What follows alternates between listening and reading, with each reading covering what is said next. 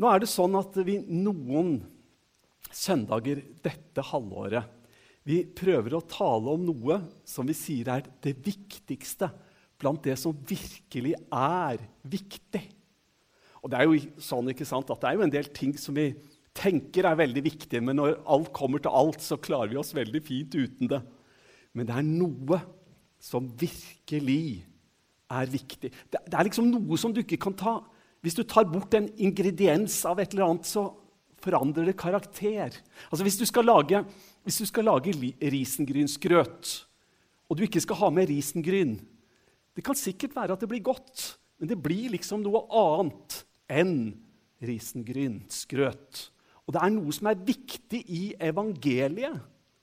Noen elementer som man ikke kan ta bort for at det fortsatt skal være liksom dette gode og glade budskapet. Og som sagt, noen søndager denne, dette halvåret så stopper vi for dette som er det viktigste av det viktige. Vi starta 16.8, og da var overskriften 'Størst av alt er kjærligheten'. Og så var det 'Kjærligheten er tålmodig og velvillig'. Og i dag så skal vi stoppe opp for liksom det, den setningen 'Kjærligheten har sin glede i sannheten'. Og 18. oktober så er det kjærligheten som tilgir. Og 1. november kjærligheten søker ikke sitt eget. Og 15. november kjærligheten utholder alt. Altså det er noe som varer ved.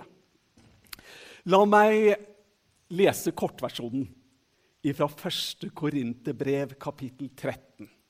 Det som kalles kjærlighetens høysang.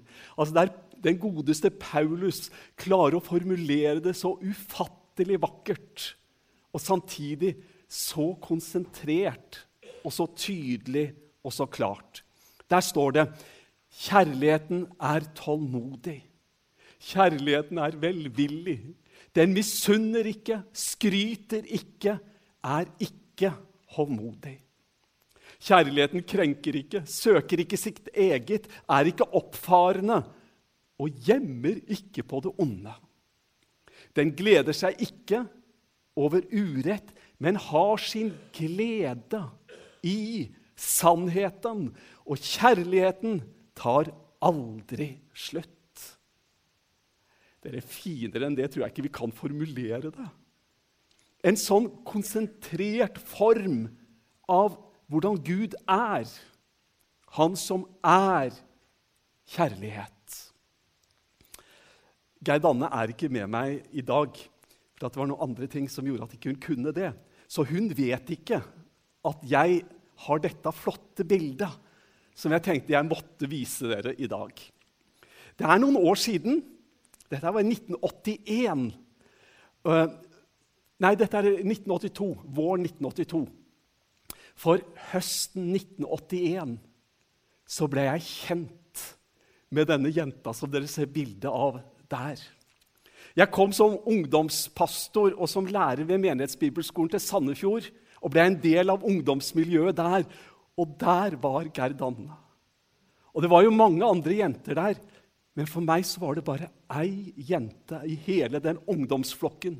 Og stakkars de andre ungdommene. De ble jo dratt med på turer og alt mulig greier. For jeg hadde jo ikke frimodighet til å spørre om Gerd Anne ville være med på noe sånt. Men ungdomsflokken de, de ble jo involvert. Og, og, jeg hadde jo bil. og Hadde vi vært en plass og jeg skulle kjøre andre ungdommer hjem Av en eller annen grunn, uansett hvor vi var og hvem vi skulle kjøre hjem, så passa det alltid sånn at alle de andre ble, ble levert først. Og Så blei det Gerd Anne og meg. da, Så kjørte jeg henne til Prinsens gate, der hvor hun bodde. Så satt vi og prata lite grann, og så Ja, god natt og ha det bra. Og sånn gikk det jo uke etter uke etter uke. Det tar jo så lang tid av og til. Og så var det én kveld Eller natt, var det sikkert. Det var seint på natta, tenker jeg. Så sitter vi i bilen utafor Prinsens gate der. Og så husker jeg hvordan høyre lillefinger kom borti venstre lillefingeren hennes og vi, vi, vi, visste jo så godt begge to hva som var i ferd med å skje. Så så vi på hverandre. Så var det første gangen jeg holdt Gerd Anne sin hånd. Ja, Vi hadde sikkert håndhilst før, sånn, men, men det er noe annet. Det var første gang jeg holdt hånda hennes. Um, den vinteren var forferdelig uh, slitsom. Altså, Hvor lite søvn man kan klare seg med i perioder av livet. Og du vet Når noe er viktig, så har man liksom plass. Og noen ganger så sier vi at kjærligheten er så komplisert. Men jeg tror ikke det er sant. Kjærligheten er ikke komplisert. Vi kan gjøre det forferdelig komplisert, det er jeg ikke i tvil om. Vi fikk følge da i begynnelsen av januar i 1982. Så gikk det tre uker, så forlova vi oss, for da hadde vi jo bestemt oss. Så gifta vi oss ikke før 26. juni på, tidlig på sommeren. liksom. Men, men liksom, det er 38 år siden, noe mer enn det. Så, sånn går nå dagene, som han sa. Men du, kjærligheten Vi gjør det så komplisert av og til. Og så tror jeg vi bruker det som en unnskyldning. Å, kjærligheten, det er så komplisert. Men kjærlighet, det tror jeg ikke er så komplisert. Kjærligheten den kan være så vanskelig å praktisere. Det syns i hvert fall jeg. Der er det vanskelig. Men at den er komplisert i seg selv, ikke tale om. Fins jo ikke noe som er mindre komplisert enn det å være glad i et annet menneske. Og la kjærligheten få lov til å vokse og utvikle seg. Det er ikke komplisert i det hele tatt. Men det som blir komplisert, det er hvis kjærligheten forsvinner bort. Da blir det komplisert. Hvis den kjærligheten som en gang var, ikke lenger er der, da blir det ubegripelig komplisert å både leve og kommunisere og bygge relasjoner og bygge det vennskapet som en gang var. For kjærligheten, den lar seg liksom ikke bytte bort med noe annet. Man kan ikke ta det bort av et forhold, og så er det fremdeles liksom det samme. Tar man kjærligheten bort fra et forhold, om det er mellom Gud eller oss mennesker Hvis kjærligheten er borte, så har vi bytta det til noe annet. Som har skifta karakter, og som er noe helt annet. Du, det er noen ord som ikke lar seg kombinere. Har du tenkt på det? F.eks.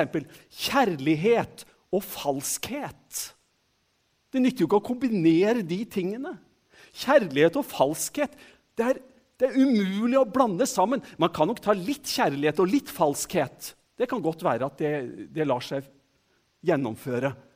Men ekte kjærlighet, det lar seg ikke kombinere med lurerier eller bedrag eller latterliggjøring eller håning eller det å tråkke noen ned osv. osv. For kjærligheten gjør ikke sånt. Det lar seg ikke kombinere med kjærlighet. Um, husker dere Er det et par år siden nå? Hva var det det het igjen? Nå, nå, husker jeg ikke helt, men jeg tror vi kalte det Tinder-svindleren.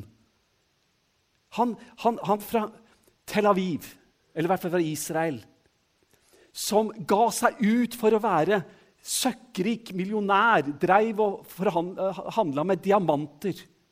Og Så traff han jenter, og så fortalte han dem hvor rik han var. og Så inviterte han dem med i privatflyet sitt, og så bygde han relasjoner. Og Så hadde VG en svær serie om hvordan jenter hadde blitt lurt av han. Rundt forbi hele verden var det jenter som trodde han er glad i meg.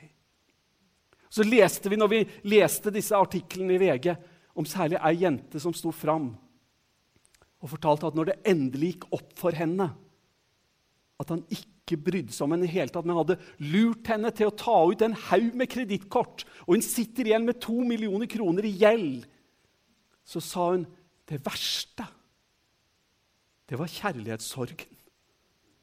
For hun var glad i han og trodde at det var gjensidig. Én ting var at han hadde bedratt henne for penger, men det verste var at hun var blitt så glad i Og var blitt bedratt og lurt og tråkka på og ydmyka og håna.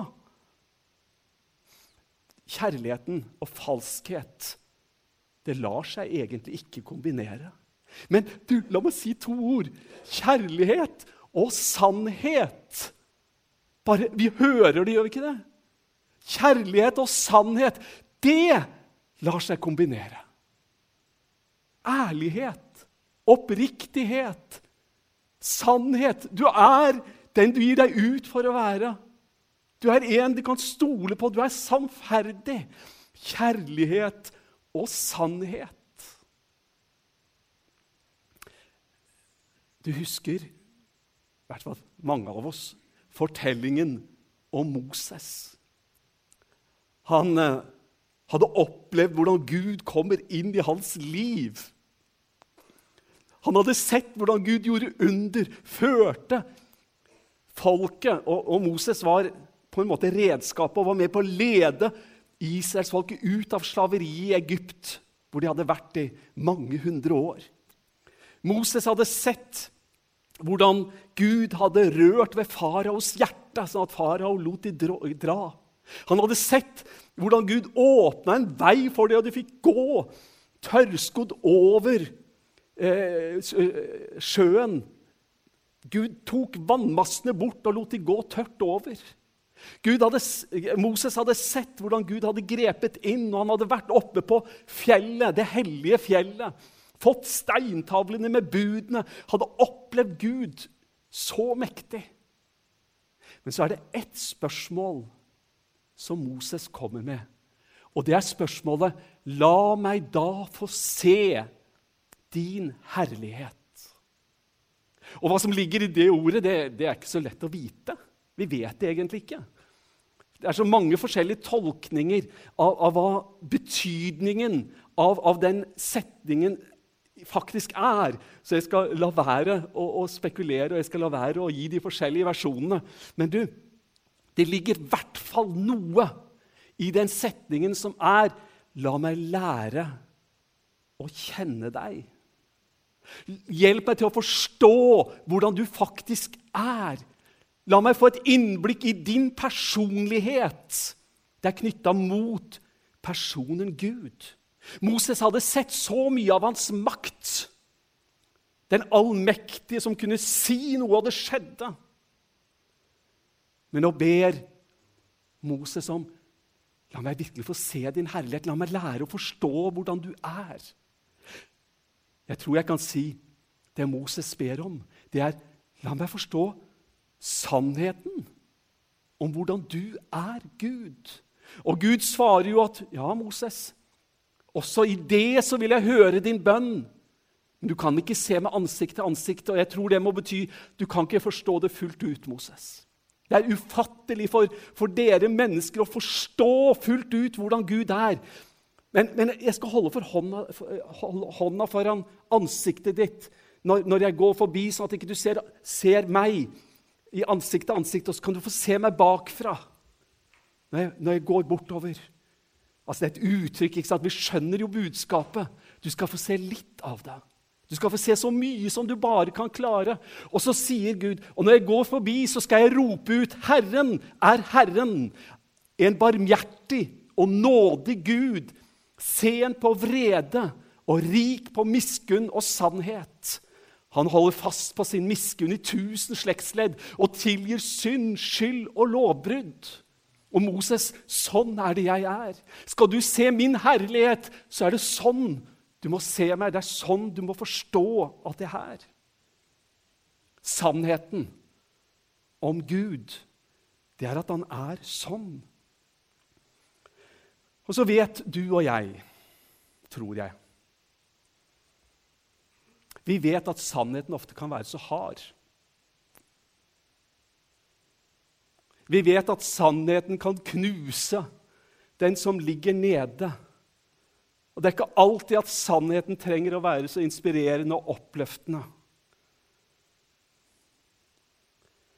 Og så forstår vi at når sannhet og kjærlighet blir fletta sammen, og vi forstår betydninga av at kjærligheten gleder seg over sannheten, så ser vi hvordan disse ordene som jeg prøvde å sette likhetstegn mellom, de må høres sammen.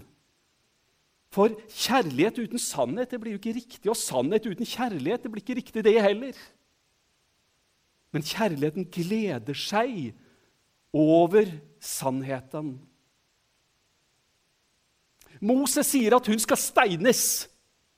Hva sier du, Jesus? Det var det dramatiske spørsmålet som de skriftlærde spurte Jesus om. De hadde funnet ei kvinne grepet på fersk gjerning i ekteskapsbrudd. Kommer dragende med henne. Og alle vet hva loven sa, liksom, at en sånn kvinne skal steines. Hva sier du, Jesus?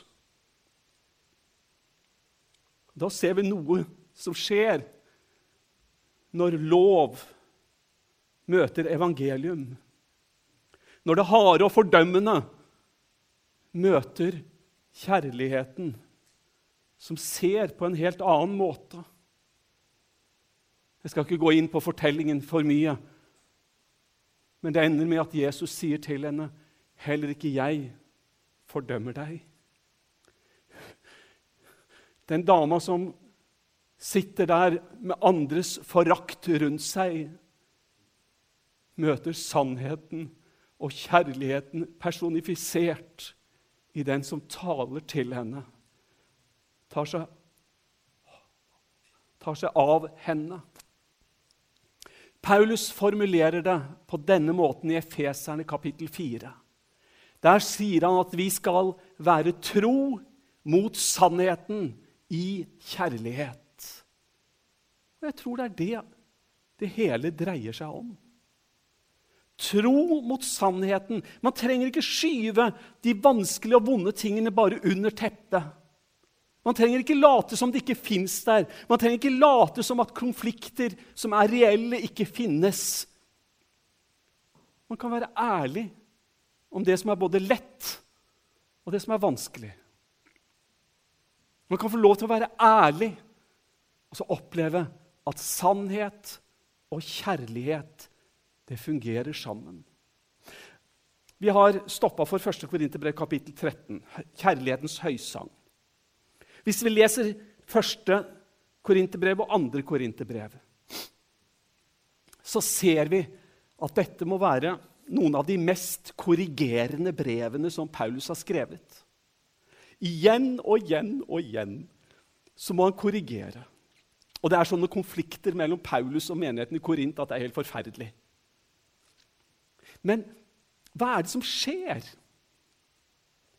For Paulus har en motivasjon for alle de gangene han sier til korintermennene at dere må gjøre sånn og sånn, og dere må ikke gjøre sånn og sånn, og når han forsvarer ting som han har sagt og gjort osv.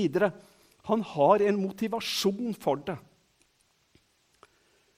Etter mye irettesettelse så kommer Paulus med en strofe. Det står i 2. Korinter kapittel 12 og siste delen av vers 19. For der skriver Paulus og alt dette, og alt dette er sagt, mine kjære, for at dere skal bli bygd opp. Det var motivasjonen Derfor var det Paulus holdt på å skrive både første og andre korinterbrev, og sikkert minst to andre korinterbrev som ikke vi har, men som det refereres til. Denne her voldsomme korrespondansen med menigheten i Korint. Og for øvrig alt det andre som er skrevet også. For at dere skal bli bygd opp.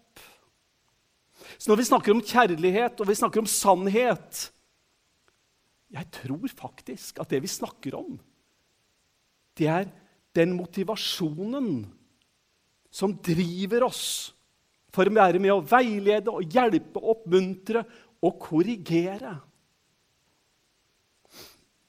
Sist lørdag, altså eh, eh, eh, unnskyld, lørdag for ei uke siden, så var det en artikkel i Varden. Det var sjefsredaktøren Tom Erik Thorsen som skrev en kommentarartikkel Og Han fortalte at han hadde vært nede i gågata her, og så var det, han var sammen med barna sine, eller i hvert fall en av det minste barnet sitt. Og så var det en annen, som, et annet barn der som var og lekte, og så ble leken litt voldsom. Og hans barn trivdes ikke så godt med det. Og så hadde han, når, de, når hun prøvde å komme seg unna, og den andre barnet kom løpende etterpå, så hadde han stoppa det fremmede barnet. Og jeg bare sier det skal man være forsiktig med. Det skjønner til og med jeg. Men, men han hadde nå stoppa vedkommende. Og så ble det jo en episode og litt baluba osv. Du kan lese artikkelen sjøl i Varden om du har lyst. Men, men, han skriver om dette med å bry seg om andre. Eh, bare la meg lese en liten strofe av det han skrev.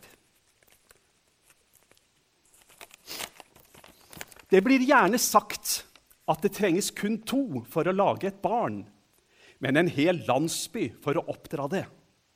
Slik mener jeg helt oppriktig at det også må være. Vi må være landsbyen, alle sammen. Det kan vi være uten at vi legger oss oppi andres barneoppdragelse. Barn trenger rammer og voksne som sier ifra. Da må vi som er voksne, også være det. De som tjener mest på dette, er barna. En eller annen gang i livet skal de ut på egen hånd. De må forholde seg til resten av verden, som sier fra, på godt og vondt. Hvis man har gått gjennom livet uten motstand, korreksjon og veiledning, blir dette en vrien øvelse, skriver Thorsen.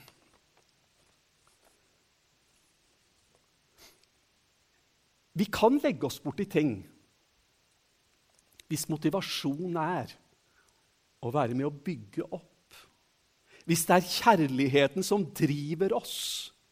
Og da tror jeg virkelig et, et, et, ord som jeg tror nesten er blitt norsk timing. Altså dette her med å finne riktige øyeblikk. For du vet, det riktige kan bli sagt på et helt feil tidspunkt, sånn at det bare river ned. Du vet, det er bedre å tie, tenke, tale enn å tale, tenke, tie. Det er jo det samme, kan du si. Men, men rekkefølgen er faktisk ikke helt likegyldig. Det er mye bedre å være litt stille, tenke seg om, og så si det som skal sies på riktig tidspunkt, enn å skrive den der elendige e-posten, trykke på send-knappen, og så begynne å tenke seg litt om og så begynne å angre. Det er bare en annen ord for å si tale, tenke, tie. Det er å granske sin egen motivasjon for et øyeblikk, og så tenke. Paulus han formulerte det sånn som vi har lest. Kjærligheten er tålmodig. Kjærligheten er velvillig. Den misunner ikke, skryter ikke, er ikke håndmodig. Kjærligheten krenker ikke, søker ikke sitt eget, er ikke oppfarende og gjemmer ikke på det onde. Den gleder seg ikke over urett, men har sin glede i sannheten.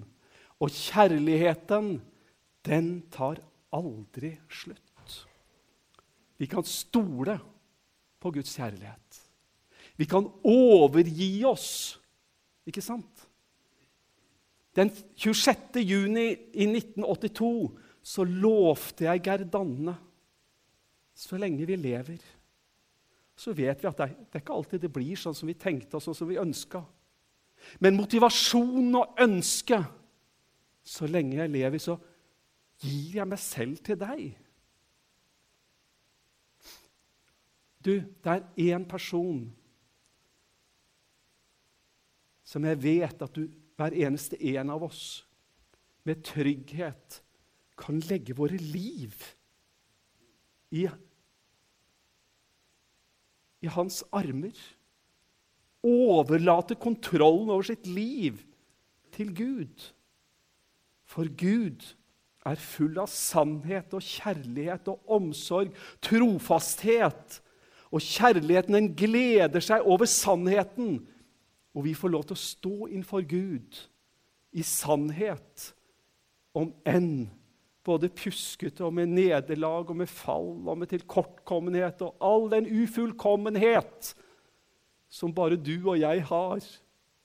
Men vi får allikevel stå der i sannhet og vite det er en betingelsesløs kjærlighet som tåler sannheten. For kjærlighet og sannhet, det er en kombinasjon hvor du ikke kan ta bort den ene delen for det er når kjærlighet og sannhet er vevd sammen slik som den er hos Gud, det er bare da vi har et evangelie. Amen.